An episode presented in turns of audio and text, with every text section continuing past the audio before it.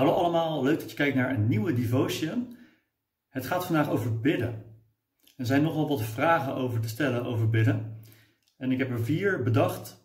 Vier vragen die ik zelf altijd had, maar ook die ik wel eens hoor. En die wil ik met jullie gaan bespreken. Um, en ik zal ze even noemen, de vier vragen. Waarom gebeurt er niets als ik bid? Is één.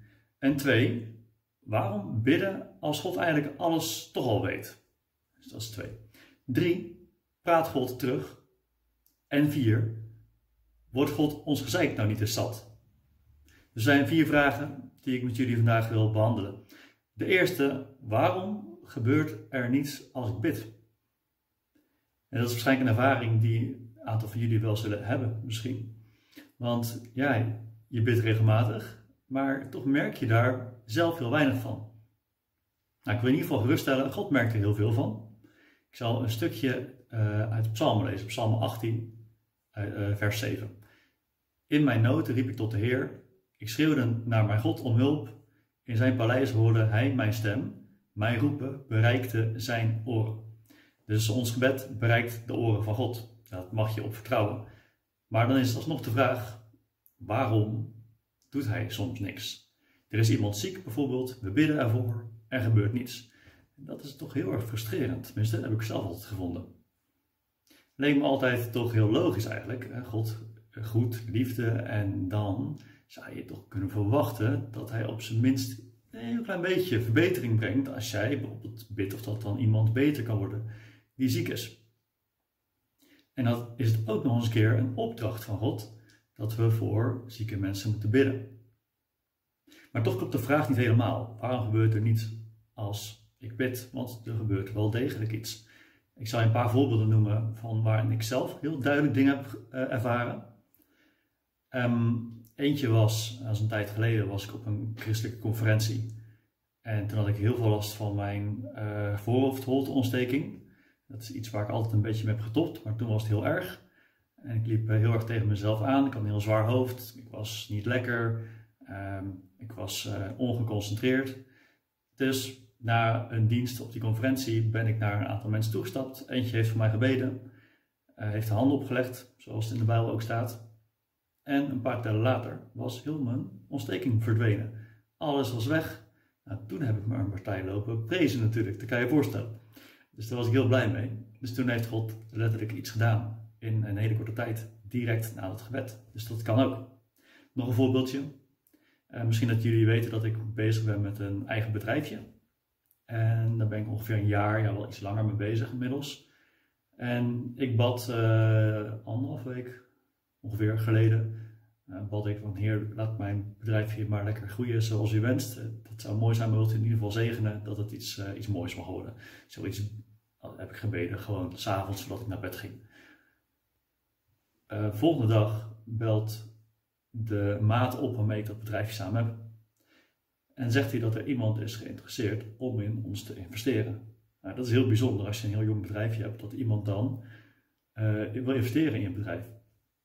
Nou, dat is een dag nadat ik dat gebed uitsprak. Uh, wat eruit gekomen weet ik nog niet hoor. Maar het is wel, laat wel zien, de dingen kunnen snel gaan. Dingen kunnen ook heel langzaam gaan. Uh, het kan zo zijn dat God denkt, ja, je vraagt nu om iets, maar het is nu niet de tijd voor jou om daar iets mee te gaan doen. Uh, soms moet je geduld hebben, soms heel veel geduld.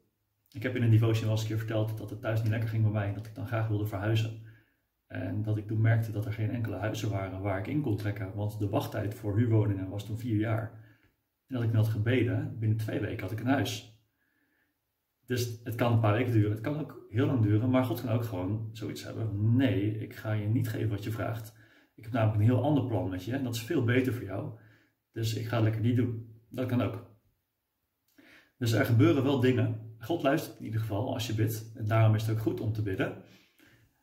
Um, en het kan ook zijn dat jij natuurlijk in jouw gebed een oplossing hebt bedacht. Heer, wilt alsjeblieft dit doen, want ik loop daar tegenaan. Dus als je nu dit doet, dan is mijn leven weer fantastisch. En het kan ook dat God dus iets heel anders voor je heeft bedacht. Um, dus blijf gewoon bidden. En kijk, God heeft een plan met je. En je zal wel merken dat uh, God vroeg of later wel een keer een gebed van je echt zal verhoren binnen korte tijd. En het kan ook zijn dat God niet je gebeden verhoort, maar je mag erop vertrouwen dat Hij altijd het beste met je voor heeft. Dus geen reden om niet te bidden. Ga naar vraag 2. Waarom bidden als God alles al weet? Nou, en dat is de meest filosofische vraag van de vier. Ehm, en van mij persoonlijk ook, ik vond hem altijd heel interessant. Ik heb er best wel mee geworsteld als ik heel eerlijk ben. Um, iemand, ik was pas met iemand in discussie over christelijk geloof en die persoon die stelde mij een vraag over Adam en Eva. Waarom zou God Adam en Eva maken als hij wist wat Adam en Eva zouden doen? Dat ze zouden zondigen en dat daardoor heel de mensheid verdoemd zou zijn tot zonde en tot dood en van alles nog wat. Waarom heeft God ze dan gemaakt? Nou, goede vraag. Ehm, ik had een, antwoord daarop. En dat heb ik niet zelf bedacht hoor, dat heb ik ook maar ergens gehoord. Maar ik vond het wel een interessant antwoord. Dus dat wil ik je ook graag meegeven. Ehm, een persoon die ik volg op internet, die zei uh, als antwoord daarop. Stel je voor dat je naar, uh, stel voor dat je een voetbalwedstrijd opneemt. En de dag daarna weer hem terugkijken. Maar op dat moment, net voordat je hem gaat terugkijken, zegt iemand tegen jou wat de uitslag van die voetbalwedstrijd is geweest. Nou, super irritant natuurlijk. Dus jij weet al wat er gaat gebeuren. Dan is de vraag: hebben die voetbalspelers op dat moment nog een vrije wil? Hebben die spelers van die ene wedstrijd die jij hebt opgenomen, hebben die nog een vrije wil?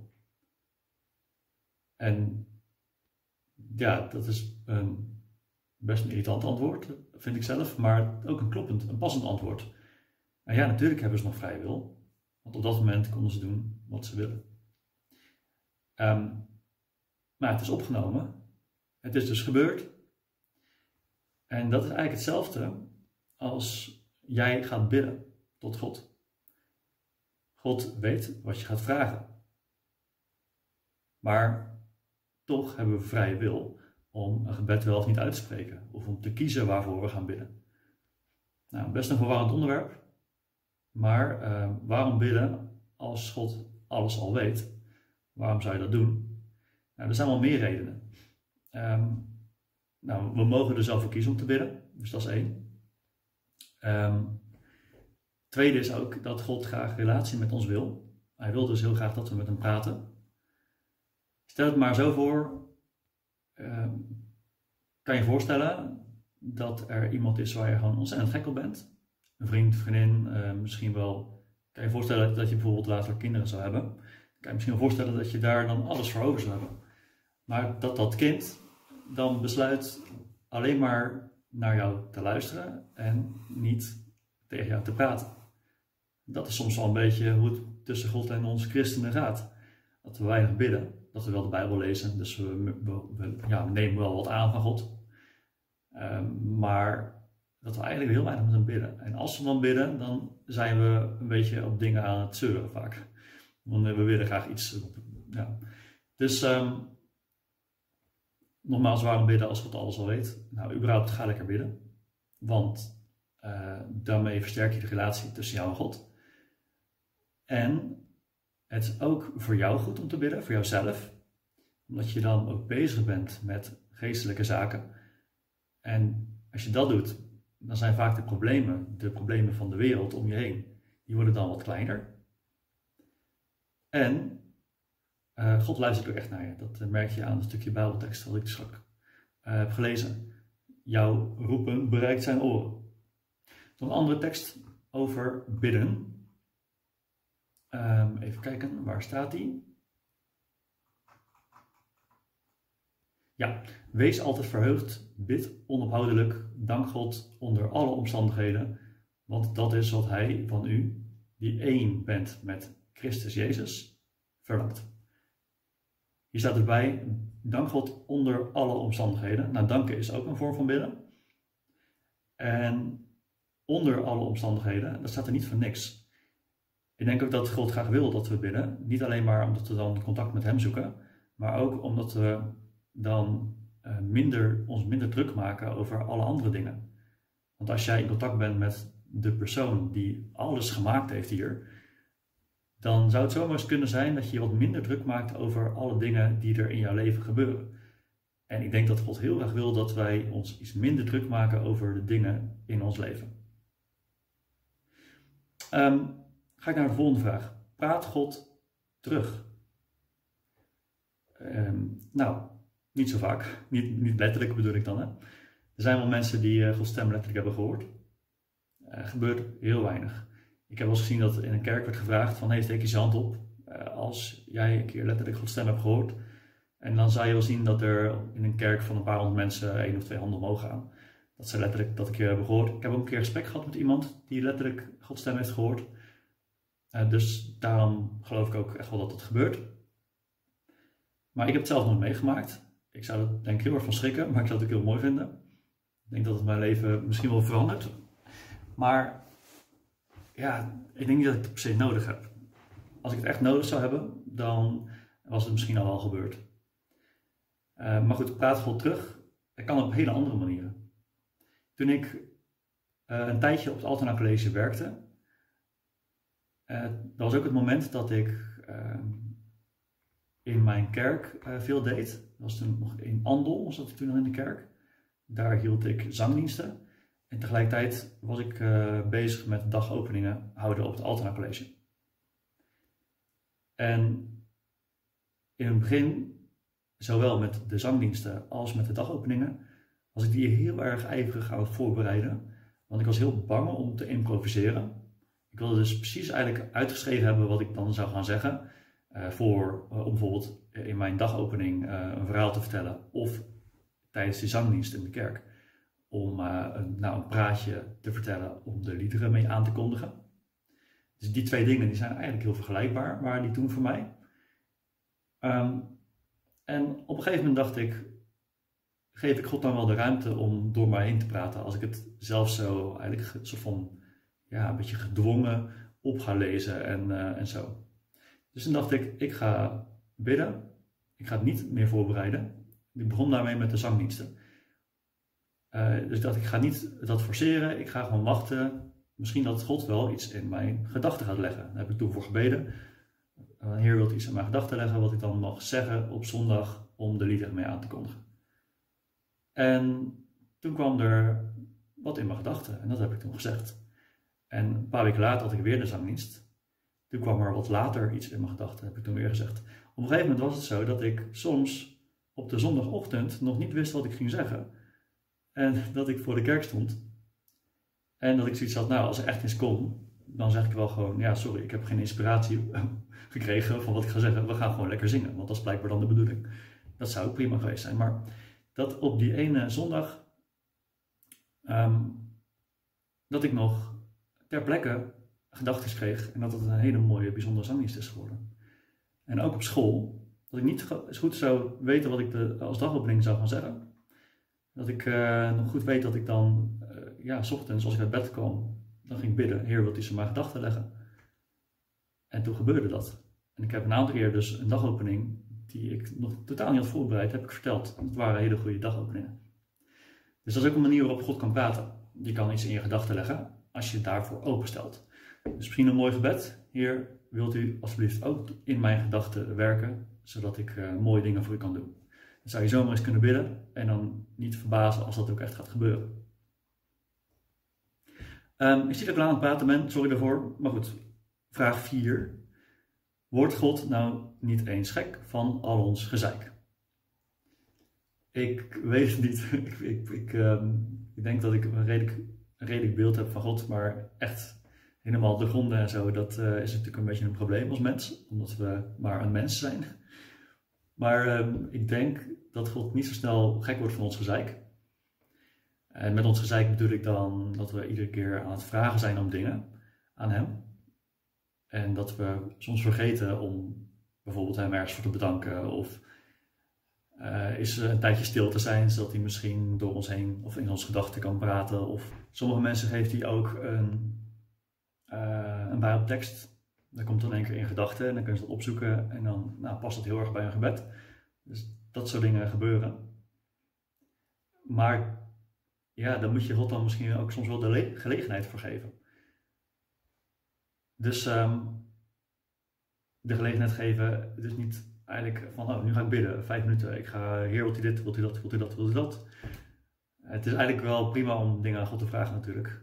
Daarmee erken je ook dat Hij God is. Heer, u kan doen wat u wilt. Wilt u alsjeblieft dit voor mij doen? Wilt u alsjeblieft dit voor mijn vriend of vriendin doen? Of wilt u mij helpen met het maken van die toets zo meteen? Dat zijn hele normale dingen om te vragen. En ik denk dat God dat ook helemaal prima vindt.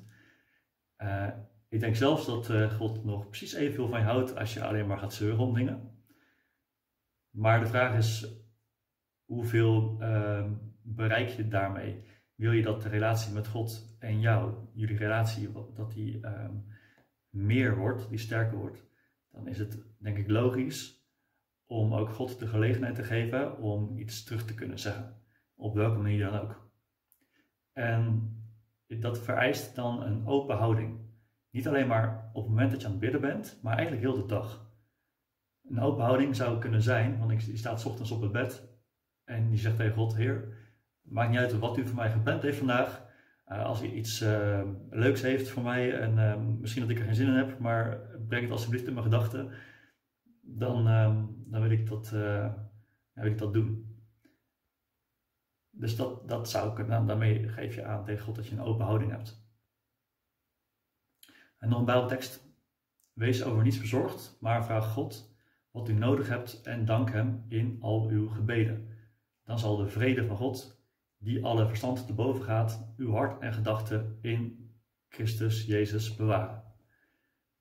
En hier staat nogmaals, dus vraag rust om dingen die je nodig hebt.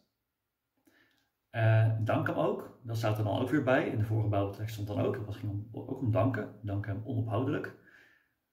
Um, en als bonus zegt hij dan dat de vrede van God jouw hart en jouw gedachten zullen bewaren. Ja, dat is een beetje ouderwetse taal, maar dat betekent dat God zijn vrede uh, zeg maar in jouw hart gaat brengen. En blijkbaar uh, gaat dat met gebed. Blijkbaar kan dat uh, met gebed. Kan ook zonder gebed. Kan ook zijn dat God denkt: jij hebt wat vrede nodig. Ik ga dat nu aan jou geven. Maar er wordt heel vaak in de Bijbel opgeroepen om daar tot te bidden, daartoe te bidden. Dus om dat gewoon te vragen aan Hem. Je wilt alsjeblieft uw rust en uw vrede aan mij geven. Nou, ben je weer iets aan het vragen aan Hem. Maar ik denk dat met die rust en die vrede, dat dat een eh, hele goede stap is om God nog meer eh, door jou heen te laten werken. En dat Hij meer nog in jouw gedachten kan werken en in jouw hart. En misschien wel een keer een bijbeltekst in jouw verstand wil leggen, in jouw gedachten wil leggen. Dus het is ook niet heel raar om bijvoorbeeld uh, een paar minuten stil te zijn, in plaats van een paar minuten de tijd op te vullen met dingen zeggen tegen God. Dus dat is gelijk een manier waarop je zou kunnen bidden. Nou, ik heb nu zomaar heel veel gezegd over een aantal vragen over bidden. Als je nog meer vragen hebt, je kan ze altijd sturen. Ik vind het leuk om ze te beantwoorden. Ik hoop dat je er iets van hebt. En ook als je er niks van hebt, dan hoop ik dat je daar iets over zegt. Als je namelijk denkt van nou, had nou alsjeblieft hierover gepraat of had je alsjeblieft deze vraag beantwoord, want daar zat ik toevallig mee, dan hoor ik dat ook heel graag van je. En dankjewel voor het kijken en luisteren en dan tot de volgende keer.